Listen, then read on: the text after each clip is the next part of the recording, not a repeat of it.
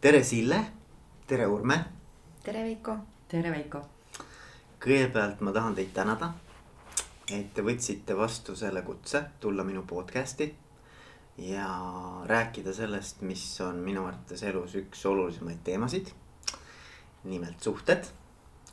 ja, ja mind hästi paelub see teema, kuigi podcast iseenesest ei ole ju nagu otseselt suhetega seotud siis äh, juhtimine ja inimeste juhtimine on äh, nagu vägagi äh, suhete teema.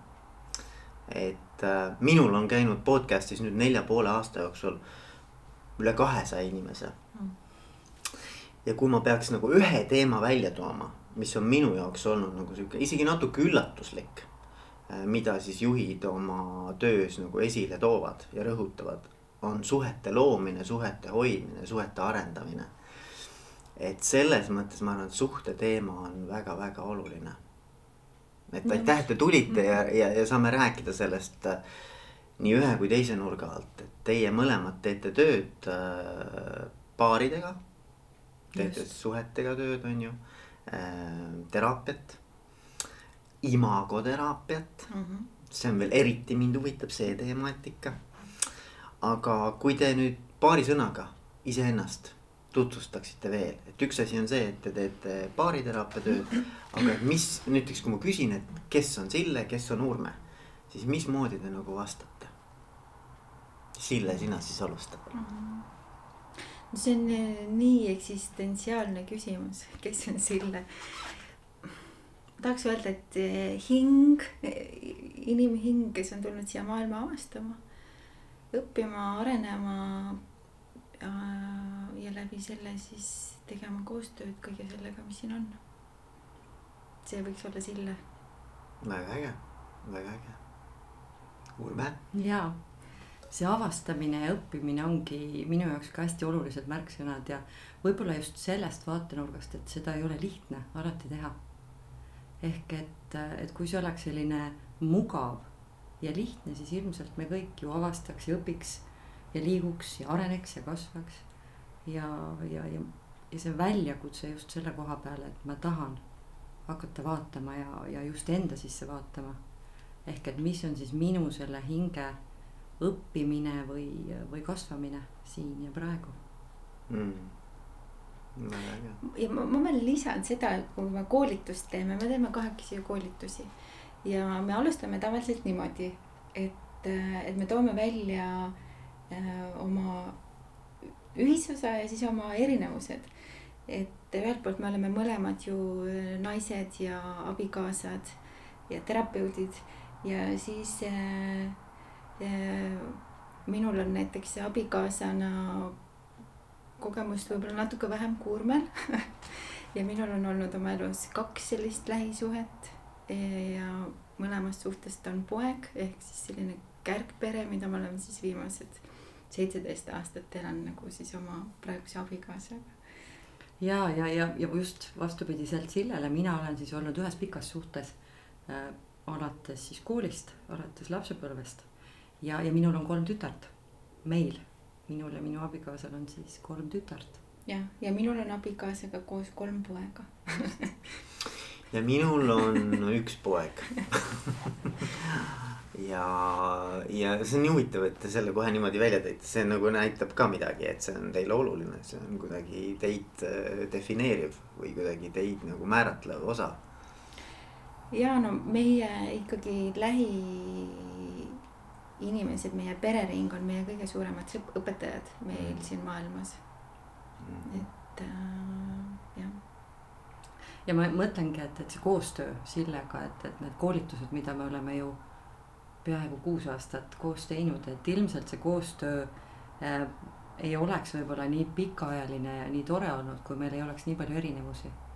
ehk et need erinevused on just need, äh, tänu millele on tore koos teha, kui me siis äh, saame neid erinevusi äh, tänu oma tööle ja tänu sellele, mida me oleme õppinud, tänu Imagole võtta sellise toreda kingitusena, mitte kannatusena. jah, jah, et meid võib-olla mõlemaid iseloomustab see, et me, see, mida me oleme õppinud, et me mõlemad hästi praktiseerime seda oma igapäevaelus, oma lähedastega ja samas me teeme koos tööd ja, ja kõik needsamad nii-öelda põhimõtted, reeglid, suhtlemise oskused on need, mida me täiesti teadlikult omavahel kasutame. mis on loonud väga mõnusa tiimi. Aga kui rääkida taustast, ma tean, et sul, Sille, on Gordoni perekooli taust, eks ju, mis, mis taust veel? oh jumal äh,, suhtlemisalaselt sa mõtled? no ma mõtlen professionaalselt jah, ma mõtlen ja, professionaalselt. ja, no minu esimene selline eriala, mida ma ülikoolis õppisin, oli hoopis füsioteraapia, et ma töötan ikka füsioterapeudina, mis on tegelikult töö inimestega. Ja siis oli see koht, kus äh, jah, ma sattusin siis olukorda, kus oli vaja suhetega hakata tegelema eelkõige oma teismelise poja pärast. ja siis ma jah, sattusin Gordoni perekooli ja sealt tegelikult sellest on siis seitseteist aastat tagasi, kui ma alustasin, et äh, selle, seda teekonda, et ma tahan teada, mis suhetes toimub, sest sealt sai alguse, et see on kõige tähtsam üldsegi. ja, ja siis ma õppisin suhtlemistreeneriks, Gordoni perekooli koolitajaks. Äh, siis ma olen läbinud äh, selle psühholoogia, hüpnoteraapia erakooli ehk sellise terapeudi tausta saanud ja siis äh, kümme aastat tagasi tuli Imago väljaõpe mm -hmm. ja, ja sellele me oleme jäänud pidama, sest see on nagu nii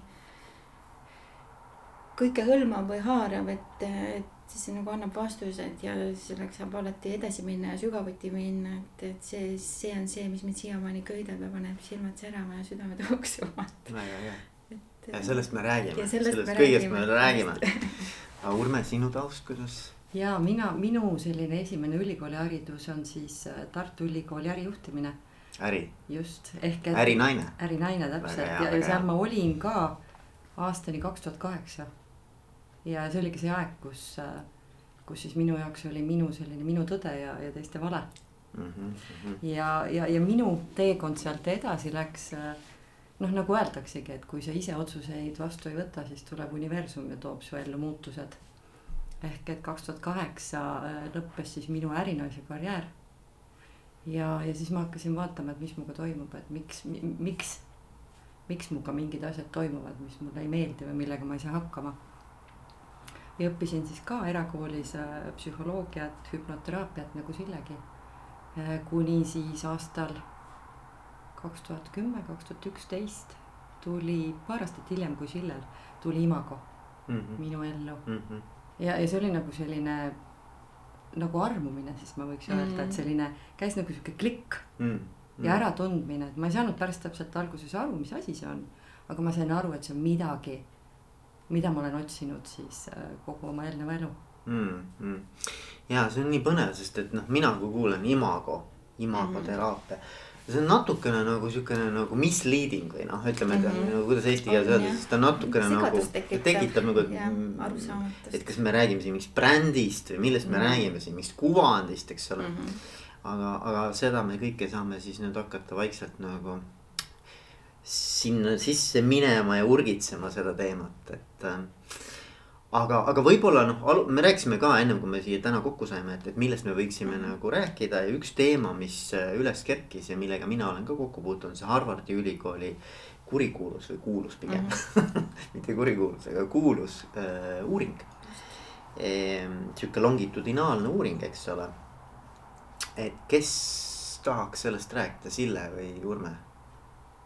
Me võime mõlemad, ma võin ja. alustada. korraga et äh, ja no minu jaoks oli see uuring, kui see minuni jõudis selline nagu kinnitus kõigile sellele justkui, mida ma nagu arvasin, et nii ongi. ja see oli selles mõttes hästi tore, et ma teen asja, mis on äh, õnne alus, nagu sealt uuringust välja tuleb, et lähisuhted, kui nad toimivad, siis see mõjutab meie äh, tervist, nii vaimset kui füüsilist tervist täiesti otseselt on need uuringu tulemused kinnitavad seda, see mõjutab eh, meie töö efektiivsust. ehk siis, mis puudutab juhte ja noh, kõiki, kes tööl käivad ja tahavad, et töö oleks efektiivne, see tulemus, siis eh, suhted on need, mis määravad seal olulist rolli.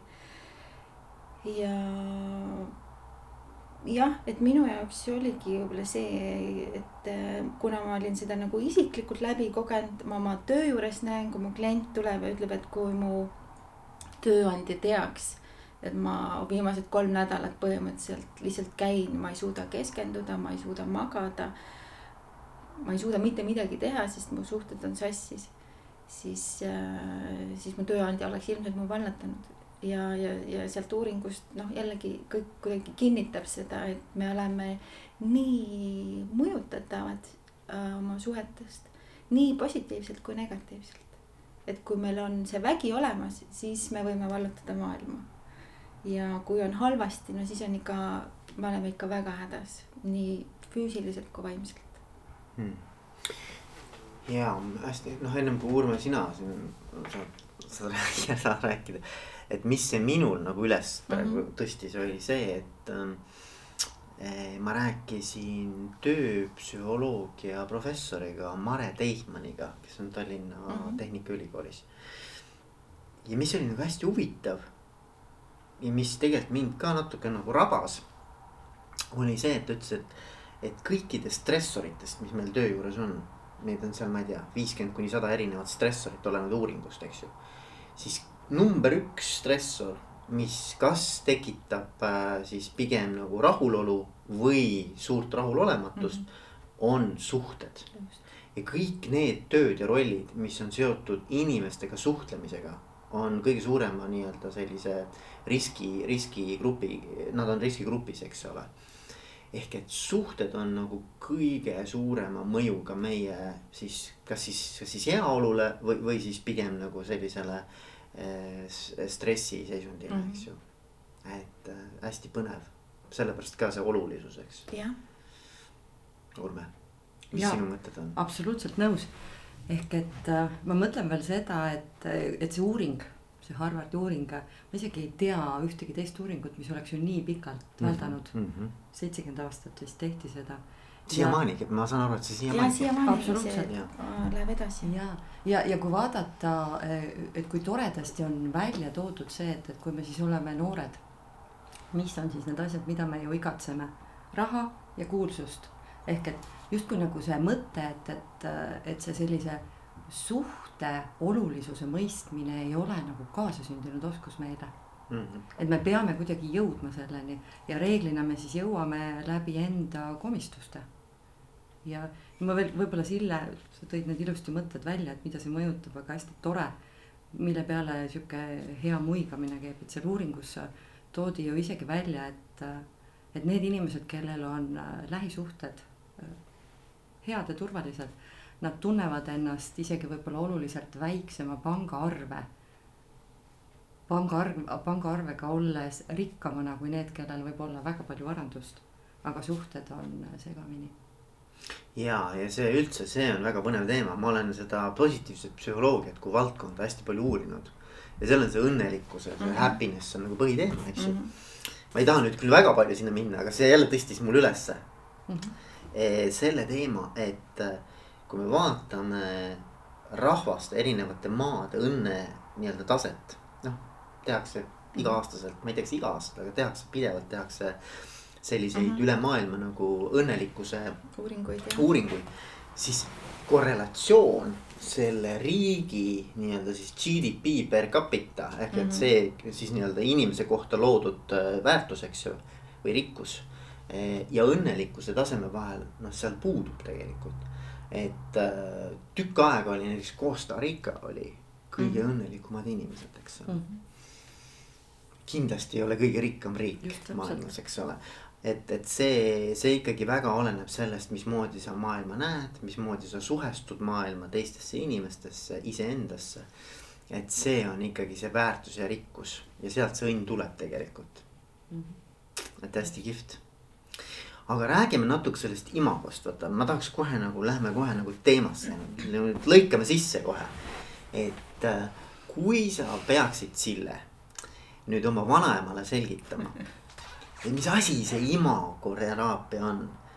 või noh, okei okay,, võib-olla vanem on raske, sest et noh, okei okay,, võtame, ma ei tea, kümneaastasele lapsele pead selgitama, mis asi see imagoteraapia on siis eh,. siis mismoodi sa seda seletaksid ma isegi valiks seda kümneaastast ka, ma võtaks täitsa tavalise inimese, sest tõesti see imago sõna seostub imidžiga. Et äh, nagu kuidagi me hakkame siis endast mingit kuvandit looma. Äh, ja samas Harvil Hendriks, kes on siis selle teooria looja, on võtnud selle nimetuse ladina keelest, mis see tähendab noh, seesama kuvand, pilt, arusaam ja, ja see ei ole nüüd imago teooriast ainult, vaid üleüldse psühholoogiast lähtuvalt on teada, et eh, kui me kasvame üles, siis meil on suhteliselt selline kindel kuvand elus kujunenud juba esimese kaheksa eluaasta jooksul. meil on juba selleks ajaks paigas mis on hea, mida tohib teha, mida ei tehta. Äh, kuidas üks normaalne perekond välja näeb, kuidas seal ollakse, mis seal tehakse, mida räägitakse, kuidas konflikte lahendatakse. kuidas, ma ei tea, mida naispool teeb, kuidas mehed käituvad. ehk meil on selline alateadlik kuvand elust kaasas mingi pilt juba, mingi raam. mingi jah, just, et, et milles me siis nii-öelda liigume ja, ja öeldakse noh ka, et, et asju tehakse niimoodi või normaalsed inimesed käituvad niimoodi. ja, ja need, kes nii käituvad, need on ebanormaalsed, ehk see kuvand on siis nagu paigas, mis on normaalne ja mis on mhm, ebanormaalne mm. -hmm noh, ja siis selle kuvandiga või selle imagoga me tuleme siis täiskasvanu ellu ja hakkame siis siin äh, suhtlema, suhteid looma ja, ja on palju, kus need eh, kuvandid siis kattuvad, et eh, me teeme Urmega koostööd ja meil on tore teha, sest me näeme asju ühtemoodi. ja siis tulevad hetked, kus Urme ütleb, et kuule, aga teeks seda asja niimoodi. ja minu peas käib lugu, et seda ei tehta, tehta ju niimoodi. see ei lähe sinu imagoga kokku. just, ja sealt tekivad konfliktid ja ühelt poolt need on normaalsed, sest kõik me oleme omamoodi. meil võib ka enda peas tekkida konflikt, et siis ma saan mingi uue teadmise juurde ja siis ma nagu olen võib-olla veel segaduses, et kogu aeg on niimoodi olnud ja siis nüüd on niimoodi. ehk võib-olla ka üks selline oluline teadmine on kaasa nagu seoses nende selle arusaamaga, et konflikt on igasse suhtesse sisse kodeeritud ja see on väga normaalne, sest need kuvandid lähevad tihtipeale vastuollu ja selles ei ole mitte midagi halvasti. pigem me saame rikastada teineteist ja öelda, aa niimoodi ka saab. minu maailmas seda siiamaani nagu ei olnudki sellist infot, eks mm. -hmm ja, ja võib-olla kui öelda, et siis, et, et imagoteraapias me õpime, kuidas neid konflikte lahendada siis sedasi, et me ei läheks omavahel tülli ja ei rikuks seda suhet ära, vaid vastupidi teeks seda suhet rikkamaks, tugevamaks, lähedasemaks, ehk need imagod veel täiendaksid, toetaksid teineteist, me saaks koostööd teha. see on väga lühikene selline vastus. see on väga äge jah, mul tekkis jälle, jälle nagu hästi palju erinevaid seoseid sellega, et, et, et on üks sihuke kihvt teooria meeskonna toimivuse kohta eesti keelde on ka see, see raamat ja see, see teooria või mudel nagu tõlgitud mm. -hmm. see on ähm, Patrick Lencioni raamat on äh, viis põhjust, miks meeskonnad ei toimi. ja seal on viis põhjust, on siis need erinevad nagu hierarhias on sellised nii-öelda levelid, tasemed mm. -hmm. ja kõige all on usaldus ja siis järgmine on, on, on, ongi see konflikti äh, vältimine mm. -hmm et see on nagu, et noh, et, et, et tegelikult mida tema ütleb samamoodi, et konflikt on mingis mõttes nagu hästi produktiivne osa ja me ei tohiks seda kuidagimoodi laua alla või kuhugi vaiba alla lükata. et, et see on üldse eeldus, et me saaksime noh, nagu edasi minna, et see tuleb nagu lihtsalt läbi käia, eks ju. No iseasi on, kuidas see läbi käia, aga see mul kohe nagu haakis ära see mõte, et noh, tegelikult see on noh, ta näitab ka usaldust, vaata, kui usaldust ei ole, siis ei teki konflikti ka. jah et, et usaldus, no tema ütleb, usaldus on kõige all, eks ole, et üleüldse ma julgeks. no meil on sarnane selles mõttes see teooria kattub väga hästi sellega, mis sa räägid praegu. just täpselt aga, aga Urme. kusjuures, kui sa ütlesid, et kui usaldust ei ole, siis konflikte ei teki, võib tekkida küll, aga siis see konflikt on selline hävitav ja purustav. või noh, siis ta ei ole kontaktis konflikt just ehk et, et siis just see konflikt saab siis sellises hetkes võtta võimust meie üle. Aga ma tulen korra ühe sammu tagasi, sest kogu aeg mind nagu kummitab peas üks mõte sellega, kui me alust-, kui me alustasime selle õnnega ja, ja sellega, et, et õnnelikuks olemisega. ehk et minu jaoks on nagu nii oluline, et ma nagu julgelt saangi väita, et näiteks mingi kolmkümmend viis aastat minu elust oli justkui nagu õnne definitsioon see, kui mul on kõrval keegi, kes näeb asju sarnaselt, kes tahab sarnaseid asju, kellega me oleme ühtemoodi. ja, ja kui ma siis usun või kui see on nagu selline minu uskumus, siis tulenevalt sellest, mida, mida Sille just rääkis, et, et see iga konflikt ja erinevus on igasse suhtesse juba ette programmeeritud siis ma justkui nagu olengi sellises väga valusas kohas, sest et äh, me oleme erinevad ja konfliktid tulevad. ja mul on kogu aeg siis mõte, et järelikult ma ei ole koos selle õige inimesega.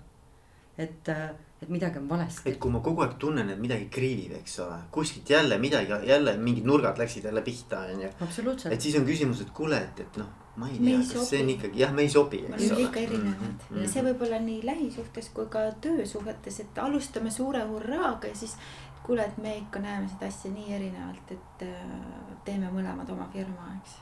sest et meil on erinevad vaated on ju, sest et just seesama selline nagu teadlikkus sellest, et, et see lause, mida sa mm -hmm. ütlesid, et konflikt on pigem ju äh, mis areng, mis areng, otsib väljapääsu. kiirus kinni, et konflikt on areng, mis otsib väljapääsu ja kui ma saan seda sellisel moel võtta siis see on hoopis, see annab nagu hoopis teise hingamise elule mm. -hmm, mm -hmm. hästi, hästi kihvt jah. nüüd minu arvates nüüd see kõik kuulavad, on ju või noh, ma ei tea, kas kõik, aga mina, mina nagu püüan ennast panna ka kuulaja äh, positsiooni ja mõtled, et äh, siiamaani saan kõigest aru mm. -hmm. aga kui nüüd päriselus nagu olen situatsioonis, kus ongi see, et nagu minu maailmaga põrkub teise inimese maailm ja ma ei näe, et need kuidagimoodi haagivad omavahel ära, et siis kuidas seda hakata seda, seda, ma ei tea, on see siis empaatia või võimekus nagu teist inimest nagu eh, noh, nagu mõista. See ei tähenda, et ma olen nõus, aga et mõista ta mm, -hmm. et noh, kuidas jõuda selleni, sest et minu arvates seal tekib nagu siukene noh, eks ta oleneb teemast ka muidugi, mõned teemad on nii nagu tugeva emotsionaalse laenguga, et seal noh, on väga raske, aga et võtame mingid kergemad teemad on ju, et, et kuidas siis nagu hakata seda lahti arutama. ma Kul... nagu esimese lausena kohe tahaks öelda, et kui, kui ma tahan kedagi mõista, siis ma pean hakkama teda kuulama. Ja ma pean hakkama teda kuulama selliselt, et ma nagu päriselt tahangi aru saada, miks tema maailmas need asjad niimoodi toimivad. ehk et nii nagu sa ütlesidki sellest äriraamatust tulenevalt see usaldus. ehk et selle kuulamisega ma hakkan looma sellist turvalisust. et ma päriselt tahan kuulata ja ma tahan aru saada, kuidas sina seda näed. ja siis me saame vahetada, ehk et siis kuulad sina, kuidas mina seda olukorda näen. ehk et selleks, et mõista kedagi, pean ma teda päriselt kuulama mm. -hmm jah, seal ma arvan, et see, see esimene nii-öelda vastupanu tekib sellega, et ma võtan isiklikult et ma ei näe seda konflikti mitte kui lihtsalt, et äh, tema ongi oma nii-öelda tema maailmas, eks ole, nagu ise.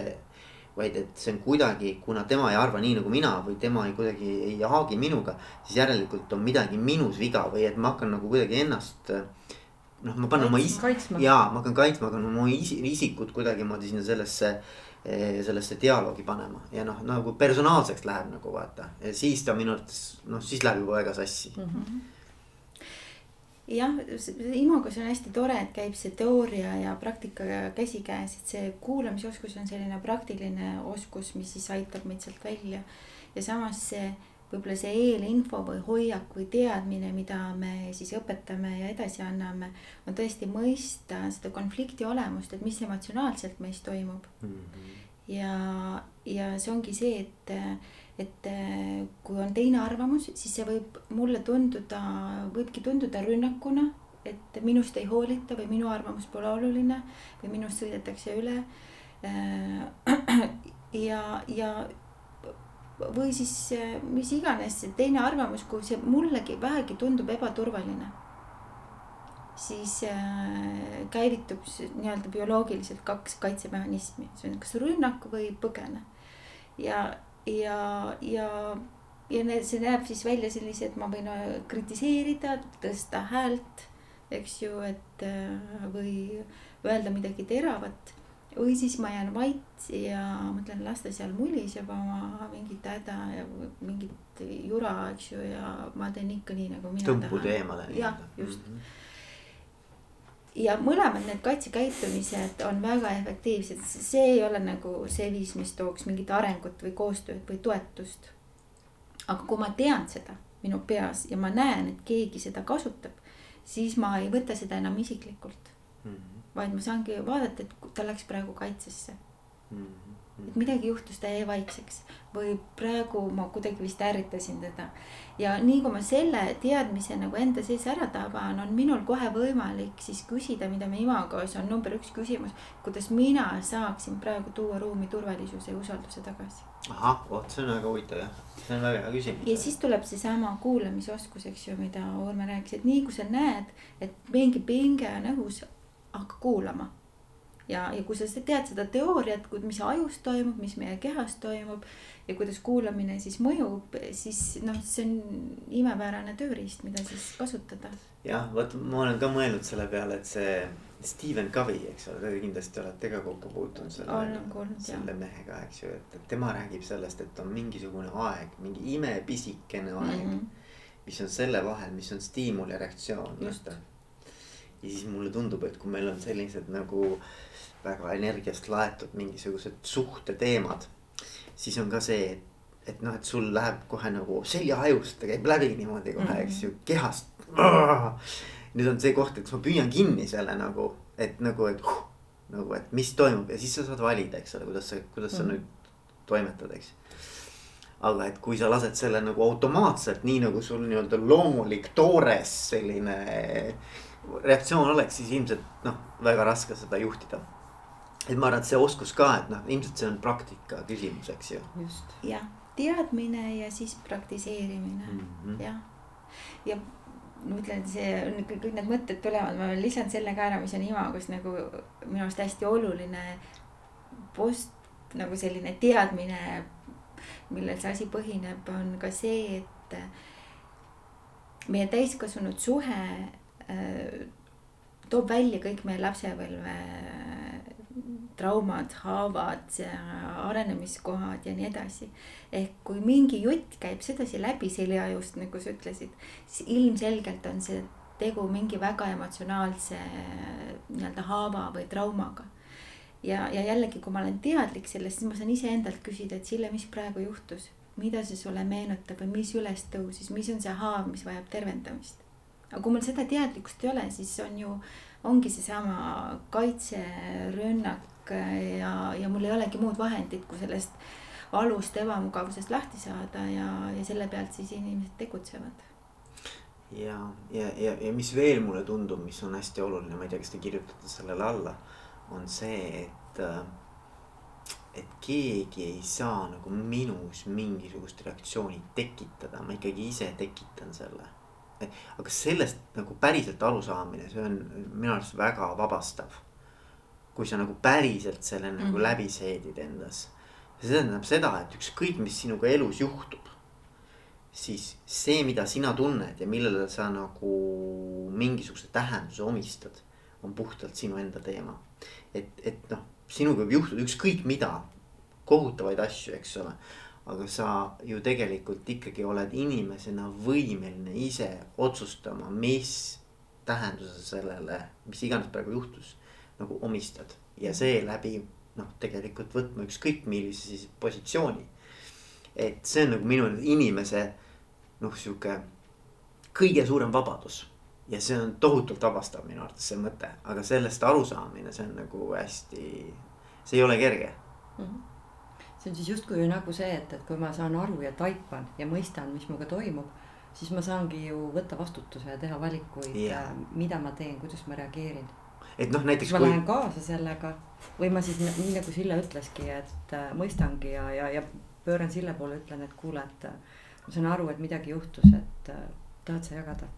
jah, ja, ja, ja võib-olla ka seda, kui sa ütled, et, et keegi ei sea meid kuidas sa ütlesid, keegi ei saa Et- et- meil- meil on midagi teha. et, et sa ei saa nagu, et kõik reaktsioonid, mis minus on, ma ise tekitan et noh, meil on tunne nagu, et sa panid mind praegu niimoodi tundma noh, ma ei pannud, sina ise tunned niimoodi. jah, et meil, meil on tegelikult selline teadlikkus ikkagi on imagos vähemalt kaasas, et eh, me käivitame teineteist.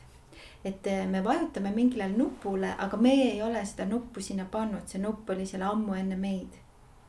Ehk eh, eh, noh, ma alati toon mõne siukse hästi lihtsa näite, et, et kui sind väiksena on, ma ei tea, koer hammustanud, sa oled saanud kohutava trauma sellest õmmeldud ja sul on koerahirm ja viiskümmend aastat hiljem sa näed sarnast koera, siis sinu keha reageerib. muidugi see koer ei ole süüdi, aga sinu ajus on see mälestus olemas, sinu keha mäletab seda ja muidugi ta ei taha seda kogeda ja muidugi see käivitab nii-öelda selle mm -hmm. hirmutunde. Mm -hmm. Aga me ei saa süüdistada seda koera just, et see koer ei ole nagu noh, üldse asjaga no tegelikult nagu väga.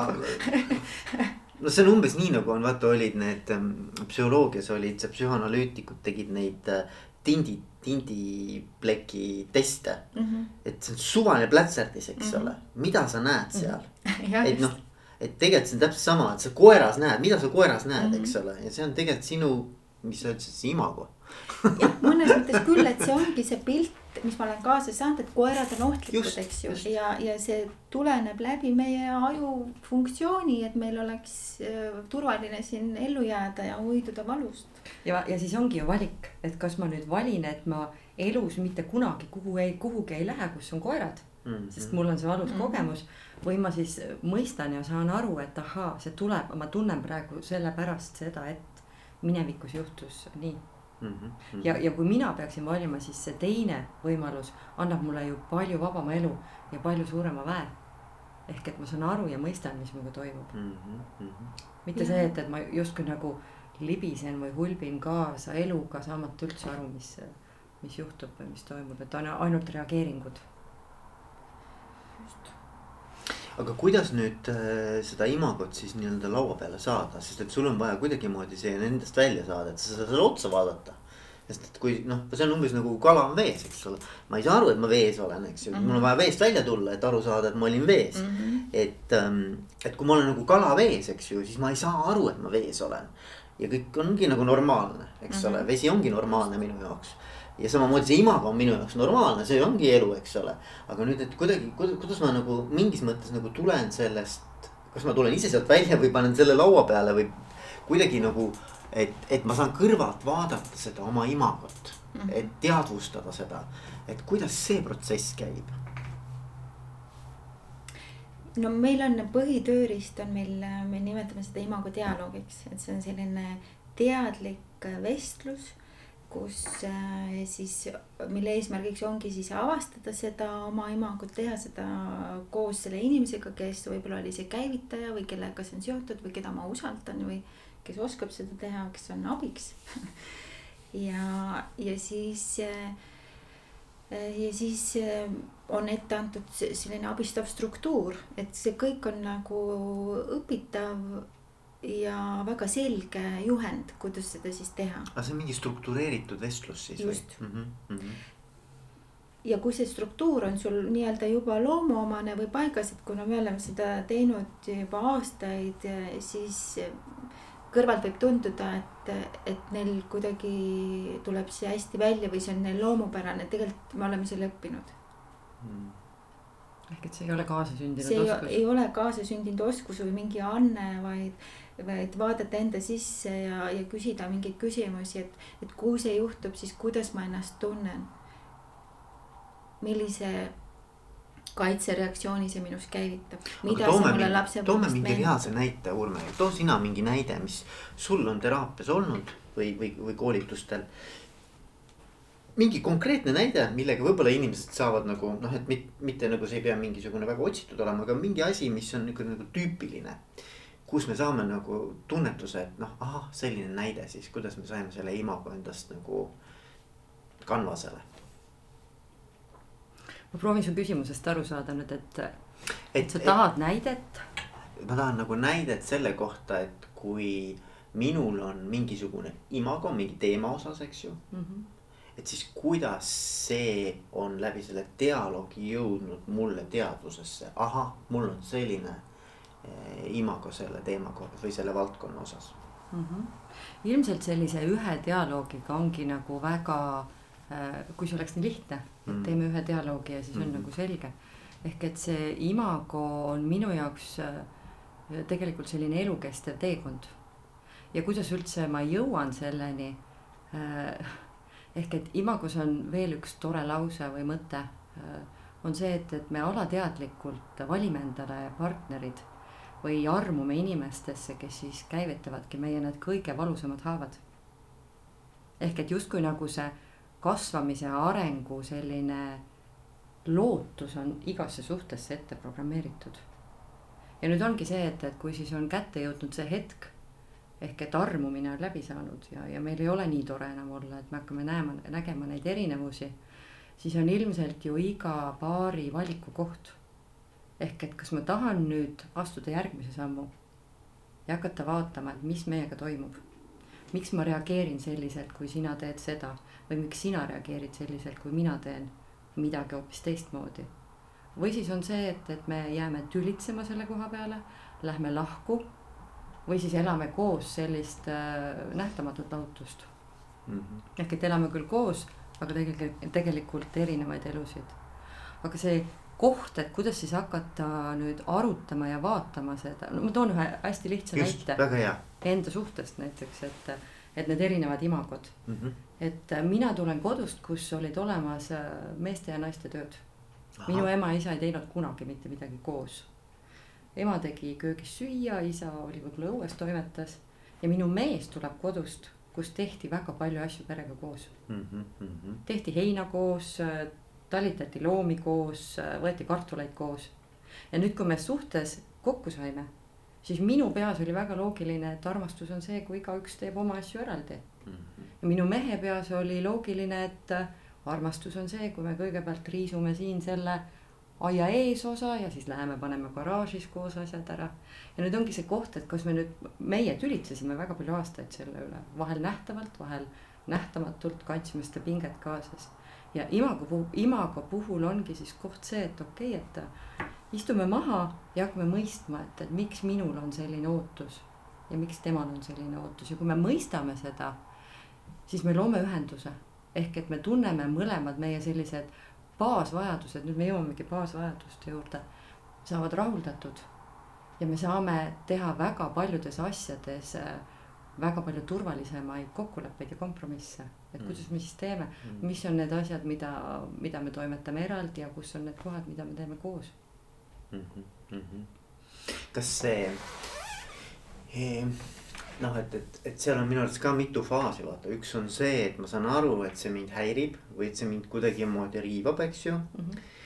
Siis järgmine faas on see, et ma küsin enda käest, et mis see siis ikkagi on, miks ma ärritun või miks mul tekib -hmm. selline tunne, on ju saan võib-olla siis aru, okei okay,, minu majas või minu nii-öelda lapsepõlvekodus äh, suhted olid sellised, kus vaat ema-isa tegid erinevaid töid, on ju. ja seepärast mind see häirib praegu, et ma, ma hakkan sellest nagu aru saama, kust see tuleb mul, eks ju. Ja nüüd minu arvates nagu kolmas faas on see, kus ma siis nagu päriselt saan aktsepteerida, et võib ka teistmoodi olla. ja see ei ole nagu aktsepteerimine, see on isegi nagu noh, aktsepteerimine on hästi lihtne. aga et, et ma võtan ka selle mingil tasandil nagu omaks või et ma nagu saan elada nagu selles teadmises koos sellise inimesega ühes suhtes, kellel on sellesama asja suhtes hoopis teistsugune eh, imago mm -hmm.. vaata minu arust see viimane faas, kus sa nagu tegelikult nagu aktsepteerid seda, mis ümberringi toimub ja lähed ka tegelikult sellesse, sellega kaasa noh, küll mingid piirid sead, eks ole, teisega lepid kokku täpselt, kuidas see asi hakkab olema aga ikkagi sa nagu oma imagot nagu hakkad nagu, nagu laiendama või, või see muutub, eks ju, selle käigus, vot see on minu arvates nagu üliraske. ja ma hoian kinni sellest, vaata, see on turvaline, ma tahan seda ikkagi. Ja, võib ka vastupidi olla näiteks, et on ju niimoodi ka, ma ei tea, kas teil on olnud, ilmselt on olnud, et äh, mul on kodus olnud lapsepõlves väga Äh, selline agressiivne, väga keeruline õhkkond, väga imelikud suhted, eks ole. ja ma tahan tegelikult täiskasvanu eas, ma otsin ka, see on nagu turvaline, sest ma tean, et niimoodi asjad käivad. et noh, ma ei tea, on seal siis mingisugust füüsilist vägivalda mm -hmm. või mis iganes, eks ole. ja ma otsingi seda ja siis ma ei saa aru, kui ma ei saa seda ja siis ma otsin, eks ju, mis on täiesti nagu düsfunktsionaalne tegelikult mm. -hmm aga see on minu imago, eks. just, ehk et isegi kui see ei meeldi meile või kui ma olen kogenud lapsepõlves, et see on halb või ebamugav yeah., siis ikkagi ma satun nendesse samadesse olukordadesse. jah, sest ma, ma otsin seda nagu, et see tund-, tundub mulle või no miks vangid vanglatesse tagasi satuvad, eks ole. noh, nad nagu isegi ütlevad, et mul on seal palju turvalisem mm, -hmm. ma tean, kuidas asjad käivad mm. -hmm. ma siin tulen välja, ma ei oska elada, kuidas ma olen siin, eks ole, et ähm, et ma ei tea, see on, see on hästi põnev, sest et siis nagu inimesed mingis mõttes nagu isegi kui ma kannatan, siis see kannatus tundub mulle lihtsam kui muuta oma imagot. jah, ma arvan jah, see on selline ikkagi selline eneseareng või, või millist elu sa siis tahad. ja, ja või ma tooks ühe väikse näite veel, mis on, ma arvan, oluline. sihuke lihtne näide ka ühe paari puhul, kus äh, äh, noh, ikka seal oli niimoodi, et mees oli hästi kuidagi siis paindumatu selles, et, et nad, kui nad kuhugi hilinevad ja ta alati kiirustas ja läks närvi ja, ja, ja siis tihtipeale tekkisid neil tülid mm. -hmm. sest naisel ikka noh, lapsed vaja riietuda, läheb aega, meik, no ma ei tea, mis iganes, eks ju. sihuke tüüpiline, et, et seda päris tihti, mõnikord on ka vastupidi, et naine tahab jõuda õigeks ajaks ja mehe, mehel läheb kauem aega, aga see on väga tüüpiline, ma arvan, situatsioon mm. -hmm. ja ja, ja, ja meie tööriist siis tänu sellele dialoogile nad istuvad maha ja hakkavad siis vaatama, et mis minu maailmas toimub ja mis sinu maailmas toimub ja üks konkreetne, ma mäletan paar, kus mees tõesti ütles, et ma lähen tõesti närvi, noh nagu korralikult ja siis ma ütlesin, mida see sulle meenutab, kust see tuleb, mida, mida see toob kaasa mm. -hmm. ja siis ta rääkis, kuidas ta mingi väga alandava loo oma koolipõlvest, kus ta oli kooli hilinenud ja õpetaja pani ta klassi ette ja ta pidi midagi, ma ei mäleta, mida seal tegema, aga ma mõtlesin täitsa lõpp, et mida, mis, mida see väike poiss pidi läbi elama ja sellest ajast on tal kabuhirm hilinemisega seoses, et see ei ole nagu mõistlik reaktsioon, vaid see ongi hirm, mis siis käivitub. ja kui ma seda lugu ei tea, siis mulle tundub, et mis sul viga on, mida sa närvitsed. aga kui ma nüüd tean, siis ma saan nagu uute silmadega vaadata oma partnerit ja mõista mm. ja, ja me ka imago dialoogi siis lepime kokku, kuidas me saame teineteist toetada. Mm. et seda vana nii-öelda traumat või hirmu siis äh, tervendada et ma ja, ja seda saab ka, ka teine öelda, et lihtsalt ütle mulle, et, et kõik on hästi, meil on aega või ma kohe tulen või. et me ei hakka nagu teineteise kallal võtma, et mis sul viga on, vaid leiame siis selle koostöö, mis tegelikult jällegi toob suhtesse sellist lähedust, sügavust, usaldust juurde, mitte ei vii seda ära. Mhm. ja neid väikseid traumasid, mida me ise ei mäletagi, on meil nii palju. muidugi ehk äh, ja, ja see ongi ka, et mõnikord meil ei tulegi meelde, aga juba piisab sellest, kui mu partner või töökaaslane, et me oleme Kurmega omavahel partnerid, et. et saab aru, et see, seal on mingi põhjus, miks ta niimoodi reageerib ja ei ole mhm. mõtet seda hukka mõista. vaid pigem, et kuidas ma saan sind aidata, sest äh, me tahame ju koostööd teha ja meie suhe on meile oluline. muidugi. jah, et see on nii hea näide, kui sa selle hilinemise ütlesid, et, et tavaliselt me ju siis proovime kuidagi nagu jõumeetodil kokku leppida, et lepime kokku, et me mitte kunagi ei hiline enam. sest see on nõme või mis iganes, on ju mm. -hmm. ja palju väärtuslikum, nii nagu sa ütlesidki, on, et jõuda, et mis on seal all tegelikult. mis on need igatsused ja mis on need valud, mida siis see käivitab hoopis minus minul on ka hilinemisega teema. mitte, et ma sellega nagu, mind väga kõnetas ja mina olen seda analüüsinud, miks mina jään hiljaks igale poole mm. -hmm. ja mulle tundub, et on sihukene asi nagu, et vaata, et inimesed käivitavad ennast mingite asjadega. ja minul on nii, et mul on, mul on nagu see, kui ma tunnen, et, et nüüd on nagu sihukene piiripealne olukord, et kas ma jõuan või ei jõua, eks ole. siis see kuidagi tõmbab mind käima nagu, et mul on vaja seda tunnet, et ma olen noatera peal mm.. ja see hoiab mind nagu väga noh, nii-öelda nagu tõmbab nagu, nagu ja näiteks kui ma esinema lähen kuhugi, siis mulle meeldib teha kas äh, mingid kiired nii-öelda trepist üles-alla jooksud või noh, füüsiliselt ennast nagu niimoodi nagu mm -hmm. üles pumbata. see kuidagi nagu noh, siis ma olen hoopis teises seisundis lähen ja, ja mulle tundub, et ma otsin seda, mis mind nagu tõmbaks käima. ja üks viis on see, et sa nagu oledki kogu aeg nagu, et oot-oot-oot, mul on nüüd, nüüd. kuidas ma nüüd ja noh, et sa nagu selle ajaga hoiad ennast trimmis kogu aeg mm -hmm. niimoodi et äh, mis ei ole, ma üldse ei ütle, et see nagu õige on, aga ma noh, vähemalt see teadlikkus, et kuule, sul on vaja sellist nii-öelda nagu sihukest särinat. et kuule, nüüd on vaja midagi nagu kiiresti teha, et sa jõuaksid, on ju ja siis see, see nii-öelda jõudmise protsess on ju kogu aeg, et see on nagu kogu aeg nii-öelda nagu noh. See on nagu siukse adrenaliini pealt natukene mm. -hmm. et, et noh, inimesed on erinevad, eks Just. ole. ja ma ei tea, kus see mul täpselt on, eks. aga, aga, aga siukene, siukene teadlikkus mm, -hmm. pumm, eks. ja, ja ma töötan sellega ja saab paremaks, aga teiega tuli ka samamoodi, ma jäin hiljaks siia ja, ja siis on ju hästi tore või, või nagu tark, mis, mida mul meeldib kaasas kanda, seda mõtet on see, et kuidas siis, kui sa tõidki selle sinu selline võib-olla vahel pigem hiljaks jäämine. kuidas see siis mõjub nendele, kes on su lähedal.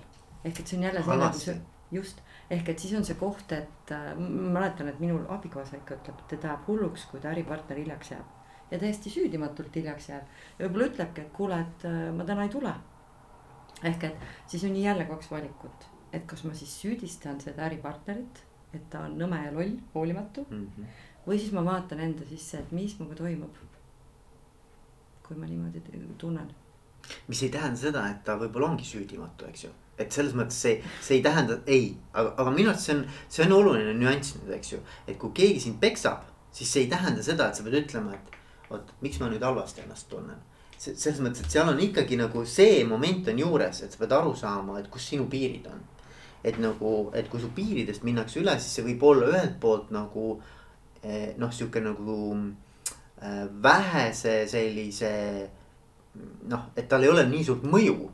või et ta on nagu eetiline või et ta on nagu väärikas või et ta on nagu okei okay,, eks ju, see on minu teema ainult aga kui seal taga on ikkagi midagi sellist, mis on selliste inimõiguste mm., minu inimlikkuse, minu, minu mingisuguste piiridega seotud, et siis tegelikult see on okei okay ka aru saada, sa pead nagu aru saama, et tegelikult see ei ole minu jaoks okei okay.. mis ei tähenda seda, et sa seda teist inimest süüdistama hakkad, vaid sa pead ise lihtsalt nagu. oma piirid mm -hmm. paika panna, et ma arvan, et see on, et ja mina arvan, et ei ole okei okay minul hiljaks jääda. ma ei ütle, et see on tegelikult nagu teiste inimeste probleem aga lihtsalt, et, et muidugi, kui sa oled see teine inimene, see lähedane inimene või see partner, eks ju. et siis äh, pead enda käest küsima, et kuule, kuidas ma nüüd nagu sellega toime tulen niimoodi, et ma noh, mitte lihtsalt ei ole ohver. eks ju, et ma, ma nagu oi, et sa jälle jäid hiljaks, et ma ei saa niimoodi elada noh, et see ei ole nagu ka lahendus, eks ju.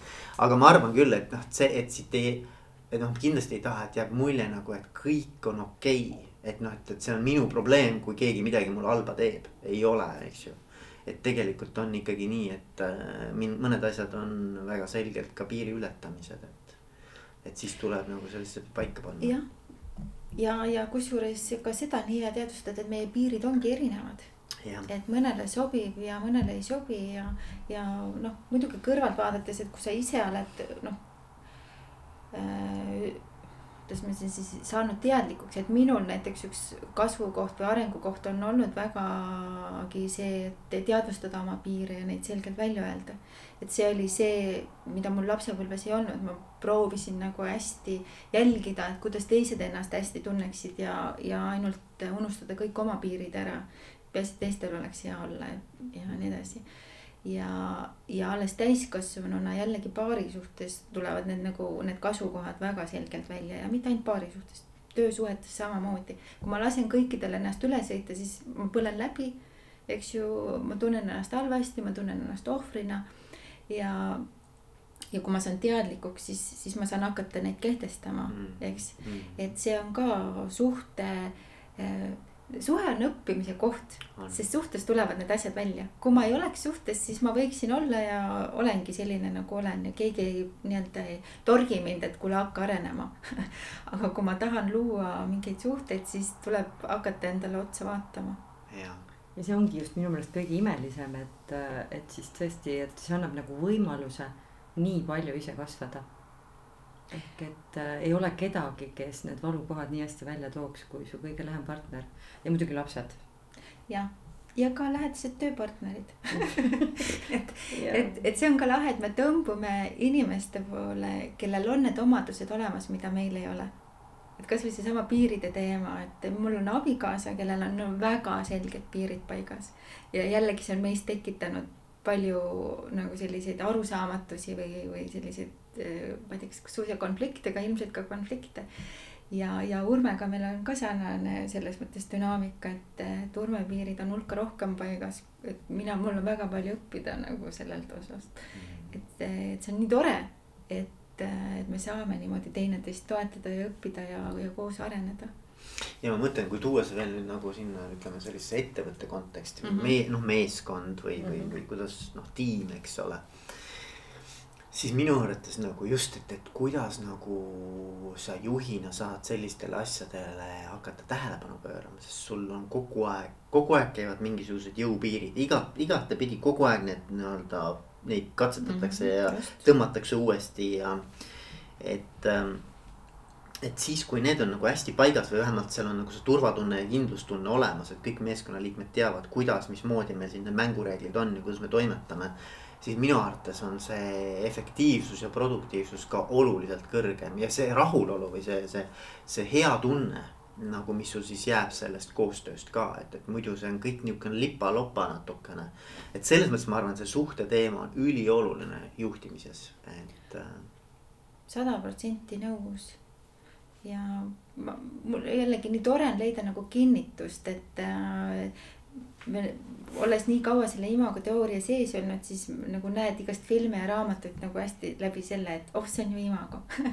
Ja, ja see Ray Dalio raamat, mis ja. on, räägib nendest eesmärkidest, siis mina vaatasin ja lugesin seda, see on, see on täpselt see, mida me õpetame või täpselt see nagu, mida, milleni tema on oma elu nii-öelda lõpuks jõudnud.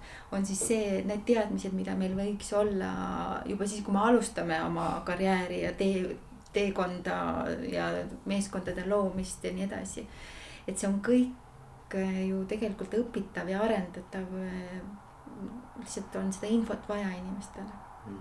ja tahet, eelkõige just tahet ja sellist nagu julgust, et ma ja. hakkan siis juhina kõigepealt vaatama, et mis minuga toimub. mis on need kohad, millega mina ei saa hakkama. sest et äh, ilmselt ma saan ju õpetada ja luua ainult seda, mida ma ise suudan teha, et ma ei saa õpetada kellelegi midagi või, või jagada midagi, millega ma ise hakkama ei saa mm. -hmm. jah, et, et kui ma iseendaga hakkama ei saa, kuidas ma siis veel selle, selle tiimiga hakkama saan, et väga raske, aga samas jällegi noh, e, mida mina olen veel täheldanud, on see, et, et tiim võib aidata ka juhil saada nagu ise paremaks või noh, et nagu, et sa ei pea mhm. üksi sellega hakkama muidugi, saama. et minu arust hästi kihvt on see, kui sa saad nagu kui toetuda ja, ja, ja öeldagi, et mul on selle teemaga probleem mm. -hmm. aidake ja, mind. et kuidas, kuidas ma saan paremaks, aidake mind palun, on ju. Ja. mida see vajab, see vajab julgust juhil öelda, et kuulge, aidake mind. ma olen ka inimene ma ei saa hakkama sellega. see on nagu mõneti terapeudi töös ehk et kui me teeme seda tööd, siis vahel ka terapeudil on tunne, et no me ei saagi selles, jäädki kinni siia kohta, et siis äh, nagu julgust tunnistada ja näidata ka paarile või siis alluvatele või kolleegidele seda, et ma, ma olen inimene ja ma ei saa ka praegu hakkama, et aidake mind. ehk et me kõik ju kasvame. Äh, üks, üks äh, hästi kuulus äh, coach, Marshall Goldsmith, ma ei tea, kas te olete kuulnud või ei ole. temal on siukene harjutus, üliäge harjutus, et mm., et sa valid ühe käitumise, milles sa tahad paremaks saada, ükskõik mis see on, on see kuulamisoskus või mis iganes mm. -hmm. ja siis äh, tiimis sa käid, lähed teise inimese juurde, noh nii-öelda nagu baarides on ju. Käid ringi erinevate inimestega, räägid ja siis, mis sa küsid, on see, et ütle mulle üks nõuanne, kuidas ma saaksin kuulamisoskuses paremaks saada. siis see teine inimene, kes sind tunneb, eks ju, ütleb sulle midagi, mingi nõuande. ainuke asi, mida sa öelda sa tohid, on, et aitäh ja millest sina tahad paremaks saada, siis sa kuulad, mida tema ütleb, ütle oma nõuande, ütled aitäh ja lähed järgmise paari juurde. ühesõnaga, et sa käid kõik niimoodi läbi ja saad igasuguse hunniku häid ideid. Ja need, see, see harjutus on selles mõttes kihvt, et ta on hästi kiire, see ei võta palju aega, kümme-viisteist minutit on ju. aga sa saad tohutult nagu infot ja tavaliselt inimesed ütlevad, et kuigi ma ise ju mõtlen, et no mis ma, ma kuulamisoskus, noh, mis, mis see siis nüüd on, eks ju. aga need inimesed annavad tegelikult jube häid ja sellist, selliseid äh, soovitusi, millele ma poleks ise võib-olla kunagi tulnud. et sihuke nagu harjutus läbi teha meeskonnas aeg-ajalt, sest et sul on erinevaid teemasid, millest sa mhm. paremaks tahad saada mõni tahab saada paremaks selles, et olla organiseeritum või et kuidas pere ja, ja tööelu tasakaalu paremaks saada või mis iganes. inimesed saavad nagu väga ägedaid nõuandeid, eriti kui nad sind veel natuke tunnevad, siis see on nagu eri, aga ka võõrastega, täiesti võõraste inimestega eh, olen seda teinud mm -hmm. ja samamoodi sa saad nagu vau wow,, et ma poleks kunagi sellise mõtte peale tulnud, on ju. Mhm. ja see on sihuke fun ka vaata. jah jah, see tundub tore harjutus. et, äh, et ühesõnaga sihukest asja proovida minu arvates on äge. mulle, mulle hästi meeldis selle, kui sa kirjeldasid seda harjutust, et, et kui ma siis küsin näiteks Sille käest, et oota, anna mulle üks soovitus või mõte. siis ma ei tohi midagi muud vastu öelda, vaid et ma ütlen lihtsalt, et aitäh. et see kõlab äh, nagu imago dialoogi üks väga-väga oluline oskus, et kui ma kuulan siis seda Sille mõtet siis ma ei vaidle vastu või ma ei seleta või ma ei õigusta või ma ei põhjenda võtan selle vastu. ma tean seda juba või mingit Just. kommentaari. ja, et ma olen seda proovinud ja, või ja, ja. mida iganes, eks ole. ma juba nagunii teen seda juba või, või et see ei toimi minuga, eks ole, või just. mida iganes, eks ole. tegelikult seal on veel üks nüanss on veel juures. sa võid küsida, kui on rohkem aega, noh, see on kahe, kahes versioonis tehakse seda. teine versioon on see, et sa küsid, et räägi mulle sellest rohkem. Need olid oli... imago dialoogi laused, mida sa praegu no, ütled. okei okay,, no ma ei tea, Marshall Goldsmith on võib-olla imago teraapiast selle võtnud, ei tea, eks ole, aga ei tohi midagi rohkem öelda. ja, et ma saangi siis kuulajana öelda, et, et kas ma sain sinust õigesti aru ja, ja räägi mulle sellest rohkem. tahad sa lisada? Ja aitäh, täpselt nagu imago dialoog. no vot, ei ole midagi uut siin maailmas jah, ei, ei ole ja ma arvan ka, et see selles mõttes, et see imago iseenesest ei ole ka midagi uut, vaid on lihtsalt kokku pandud, et saada selline selgem ülevaade ja pilt. ja, ja väga konkreetne tööriist, mis on nagu hästi tore imago puhul, et, et meie terapeutidena ja koolitajatena tõesti tahame anda selle tööriista kaasa, et me anname need juhendid struktuuri kaasa ja hakake harjutama, me harjutame koha peal, nad saavad selle kogemuse et see tõesti neil tuleb välja, toimib ja, ja siis me loodame, et nad hakkavad siis seda tõesti igapäevaelus praktiseerima mm. -hmm. kui siia lõppu nüüd veel midagi lisada siukse lõpuakordina, mida ma võib-olla ei ole teie käest küsinud, aga te tahaksite selle teema lõpetuseks omalt poolt öelda, et mis te siis, mis te siis jätate, millise mõttega te meie kuulajaid jätaksite? Meil on tegelikult rääkimata need neli olulist põhivajadust. me võib-olla suudame need paari minutiga ära rääkida, mis on tegelikult üks oluline point. ehk et vajadused, mida me sünnist surmani tegelikult ju vajame. jah, mida me siit elust otsime ja, ja mida siis läbi suhete me, me siis tahame tuua ja kui need toimivad, siis me saamegi selle väe ja elurõõmu ja õnne tagasi mm. -hmm ja ma siis alustan, et mm -hmm. see esma, esimene vajadus, mis tekib siis, kui me siia sündides oma silmad lahti teeme, et meil oleks kontakt teise inimesega, tavaliselt see on siis vanemaga. ja kui me oleme täiskasvanud, siis me tahaksime silmsidet oma partneriga, oma kolleegiga, oma vestluspartneriga. eks see annab selle esimese baasturvalisuse, et ma olen olemas, mind nähtakse mm. -hmm ja, ja sinna juurde kuulub ka järgmine samm, mis on, ütleme lähisuhte puhul on ka füüsiline puudutus. et kui ma olen hädas, siis keegi paneb mulle käe õla peale või, või annab läbi puudutuse selle turvatunde. just mm, -hmm. et see ei ole mingi seksuaalne ega erootiline puudutus, vaid see ongi tõesti selline, et ma ka tunnen nahaga mm, -hmm. et ma ei ole siin ilmas üksi mm. -hmm. eks see on selline baasturvalisus nagu number üks. ja, ja kui meil on see baasturvalisus loodud mm, -hmm. siis me saame astuda järgmise sammu, et nii nagu laps hakkab avastama mm -hmm. paariaastaselt äh, maailma ja vajab selleks siis vanema toetust ja julgustust, siis täpselt samamoodi täiskasvanuna, kui meil on loodud see baasturvalisus, siis me saame vaadata seda, mis on ebaturvaline, ehk et siis ühe näitena need imago dialoogid ehk et hakata jagama neid asju, mida me siis näeme erinevalt, mis on need mhm. konfliktiallikad mm. -hmm. ja, ja miks mitte sinna ebaturvalisuse ja avastamise juurde käib ka füüsiline lähedus ja just selline seksuaalne lähedus. ehk et see on väga-väga haavatav koht. ja, ja kui me oleme baasturvalisuse loonud, siis me saame koos avastada ka seal väga palju põnevust ja, ja tuua väga palju kirge ja, ja väga palju huvitavaid olukordi. ehk et me saame sellele baasturvalisuse, baasturvalisusele kohe selle järgmise avastamise ja, ja, ja ebaturvalisuse mm. -hmm ma ka selle lingi nagu sa ennem tõid, et ennem peab olema usaldus ja siis me saame hakata nagu vaatama seda konflikti, ehk siin on Kõlab nagu samamoodi, et see baasturvalisus on olemas, eks ju. ja siis me saame hakata seda põnevat maailma vaatama, kuhu kuuluvad ka arenemiskohad ehk konfliktid, eks. ja järgmine vajadus, mis on nagu võib-olla üks olulisemaid, mulle tundub, sest kui need kaks on olemas, siis äh, sinna haakub see, et ma saan olla mina ise ja see tähendab seda, et tõesti mind mõistetakse, et võib-olla mul ongi mingid hirmud, haavad, imagod. keegi ei mõista mind hukka, et sa oled ebanormaalne, et sul niimoodi on, vaid ütleb, et, et nüüd ma mõistan. nüüd ma mõistan, Veiko, miks sulle helinemine meeldib, et see annab sulle seda energiat, et ma saan sinust aru ma ei ütle, et sa oled mingi. ma ütlen, et see okei okay on. jah, aga, aga, ja aga ma ei ütle ka, et see okei okay on, aga ma ütlen, et ma mõistan sind mm. -hmm. ja see on sinu teema, mis sa sellega peale hakkad, eks ju ja, ja seda me vajame, et mul oleks jällegi keegi ja noh, imeline, kui see on minu pere või töö nii-öelda meeskond, kus ma saan olla mina ise. ma saan minna, öelda, et teate, täna mul on kehv päev. et ma olen öö otsa magamata ja keegi ei mõista mind hukka, vaid küsitakse, kuidas ma saan sind aidata. või mul tuli mingi idee ja, ja ma tahaks seda jagada, et võib-olla see on jabur aga mul on turvaline seda jagada ja see võetakse vastu, seda mõistetakse, mis ei tähenda, et ollakse nõus. Mhm. aga ma saan olla mina ise ja see on hästi tore, kui, kui, kui, kui see vajadus saab rahuldatud.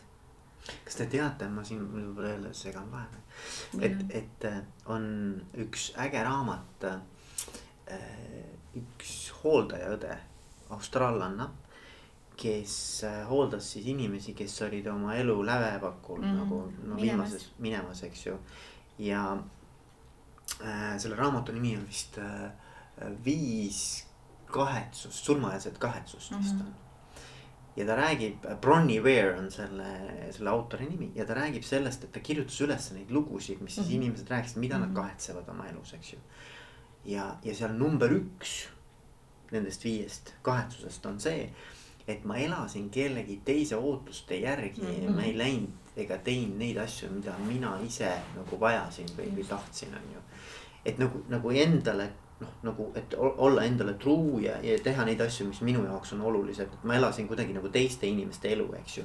et see kõlab nagu minu arvates ka hästi sellega kokku. see seostub sellega ja, ja kui sa rääkisid raamatust, mulle praegu tuli see Oskar ja Roosa mamma see, kus väike poiss on vähki suremas ja ainuke, kellega ta saab päriselt olla tema ise ja rääkida, mida ta tunneb, oli see hooldajaõde mm. -hmm. ta ei saanud kunagi olla oma vanematega mina ise mm, -hmm. sest vanemad ei jaksanud seda vastu võtta mm. -hmm.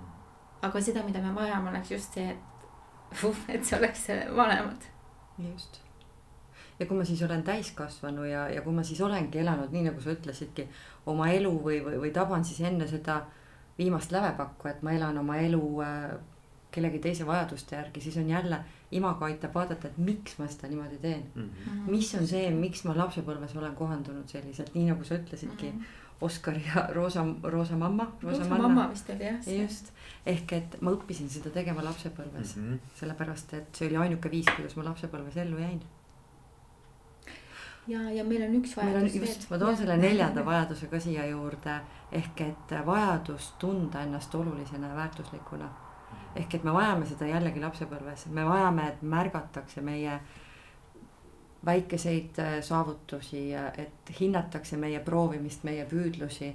Ja me vajame seda täiskasvanuna, me vajame paari suhtes tunda, et me läheme korda, et me oleme olulised, et keegi vajab meid ehk et äh, ja imago dialoog annab selleks, äh, rahuldab ka selle neljas, neljanda baasvajaduse ehk et kui, kui mu partner jagab mulle midagi või, või kui ta kuulab, siis ma saangi tunda, et me oleme väär-, ma olen väärtuslik, me oleme koos selles. mina saan ulatada talle käe ja tema ulatab mulle käe ja me saame koos kasvada. ja, ja see on, see on väga imeline tunne. muidugi, jah ja samamoodi ükskõik, mis suhtes me oleme. absoluutselt. absoluutselt, et kõik need neli vajadust on see, mida me siit elust nagu otsime ja kui me saame selle oma kodust, siis me võime minna vallutada maailma, meid väga ei, keeruline on meid tasakaalust välja saada. kui meil kodus seda ei ole, siis me otsime seda väljast ja siis on ka palju neid inimesi, kes otsivad seda ju hästi palju töölt mm. ja saavadki võib-olla sellise hea töökoha ja nende kodune elu on metsas. Sest seal seda mõistmist ja usaldust ja turvalisust ei ole. ja noh, ja siis on ka lahutusi, eks ju, hästi palju ja, ja inimesed ongi, et ma ei tahagi suhet ja ma keskendungi nüüd ainult karjäärile, eks. see on kurb tegelikult. Mhm. ja seal on see mõte ka veel juurde, et needsamad neli baasvajadust, et et me võime ju mõelda, et vot seda mul ei ole vaja, mul ei ole vaja mingisugust. mul ei ole mingeid suhteid vaja. suhteid, või ma saan ise hakkama või, või et mul ei ole, mis turvalisest puudutusest sa siin sille mhm. jahud, on ju.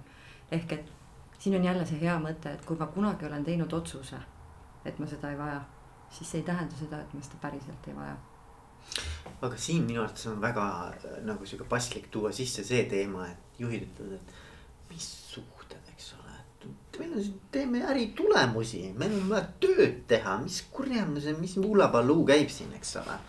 et nagu, et, et, et kuidagi seda võib-olla seda nagu taju ka nagu natukene noh, nagu panna nagu pöörata teistpidi, et. et, et tegelikult tulemused, noh, see on nagu minu veendumus, et tulemused tulevadki läbi selle, et inimesed on nähtud, et. Nende panust hinnatakse, et neid nii-öelda nagu tunnustatakse, progressi tuuakse välja et see on see viis, kuidas tegelikult inimesed üleüldse tahavadki midagi ägedat teha. et äh, aga noh, muidu on nagu see, et meil on siin kvartali tulemused, mis, mis käehoidmist me või mingisugust ja, puu, puu hagimist teeme. seal on, et mul on tulemust vaja, eks mm. -hmm. et jah, et, et see tulemus tegelikult vähemalt pikaajaliselt tuleb ikkagi pigem läbi suhete, eks ju. absoluutselt kuulge, aga, aga, aga mina, ma tahtsin, ma mõtlesin, et nüüd on nagu hästi ilus hetk tõmmata nagu äh, otsad kokku ja öelda aitäh teile, et te võtsite selle tunnikese minuga veeta. Minul on hästi põnev olnud, ma usun meie kuulajatel ka. ja kui nüüd nei-, kui, kui nüüd kuulajatel tekkis huvi selle teema vastu, et siis kust ta nüüd teid üles leiab no meid leiab kõige paremini üles oma nime, nime järgi, et kas siis Sille Jõgeva guugeldada tuleb minu koduleht ja Urme Raadik on siis Urme koduleht ja. ja Imago suhteteraapia alt, ma arvan, tuleme me välja ja. Et teid leiab üles? leiab üles ja. kuidas see oli, et kui õpilane on valmis, siis tuleb ka õpetaja? ja ma usun ka jah, ja, ja, ja teine ütlus on see, et, et kui, kui äh, Muhamed ei lähe mäe juurde, siis mägi tuleb Muhamedi juurde. just. aga aitäh teile. aitäh sulle. jah, aitäh, et kutsusid